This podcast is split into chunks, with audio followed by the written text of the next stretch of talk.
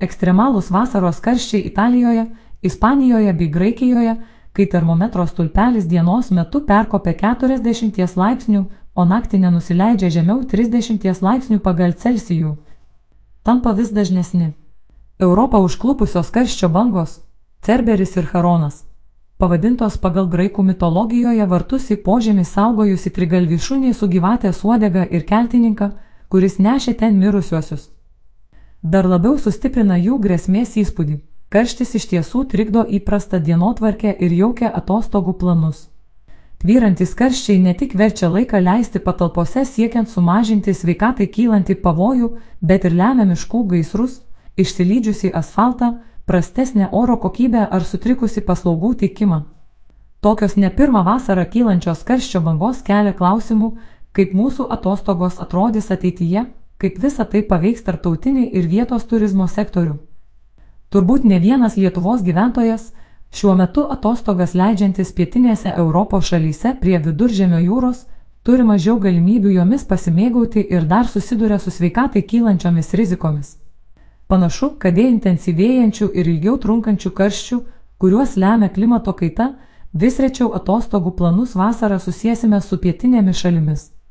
Tuo metu vasarą leisti Lietuvoje gali atrodyti vis patraukliau ne tik mums, bet ir svečiams iš užsienio kai karštis keičia keliones. Dėl tvyrančių karščių Junktinės karalystės institucijos neseniai išplatino raginimą gyventojams susilaikyti nuo turistinių kelionių į pietų Europos šalis. Siekiant išvengti nelaimių dėl perkaitimo rizikos, kai kurios pietų šalis pačios ėmėsi riboti apsilankimus turistų pamėgtose vietose. Pavyzdžiui, Graikija apribojo Atenuose esančio Akropolio lankymą. Tuo metu dėl siaučiančių miškų gaisrų evakuojami gyventojai ir turistai iš įvairių Ispanijos ir Graikijos regionų. Nors turistų srautas pika dažniausiai pasiekia Liepos ir Rūpiučio mėnesiais, Europos kelionių komisijos AKK duomenimis. Dėl išaugusių karščio bangų rizikos gyventojai vis dažniau į pietų Europos šalis renkasi keliauti pavasario arba rudens mėnesiais.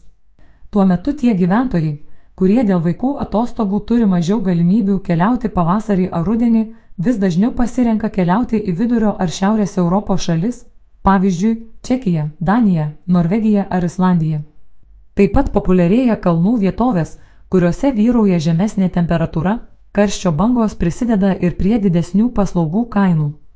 Pavyzdžiui, Ispanijoje vasaros laikotarpio elektros suvartojimas yra kur kas didesnis nei žiemos mėnesiais. Be ne visą parą veikiantis kondicionieriai Išaugęs vandens suvartojimas lemia didesnės energijos sąnaudas ir mokesčius už jas. Be to, kai kuriuose regionuose dėl karščių jaučiamas vandens trūkumas, o jo suvartojimas apribojamas, kas gali kelti papildomų sunkumų paslaugų sektoriui. Temperatūros rekordai taps dažnesni.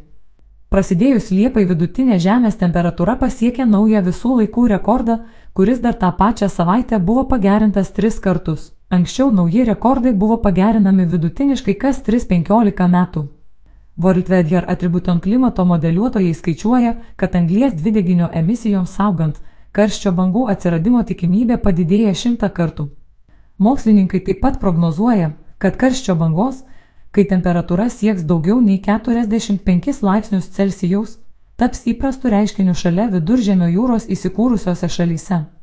Negana to, tikėtina, kad šio amžiaus pabaigoje temperatūra šiuose šalyse vis dažniau perkops ir 50 laipsnių pagal Celsijų ribą.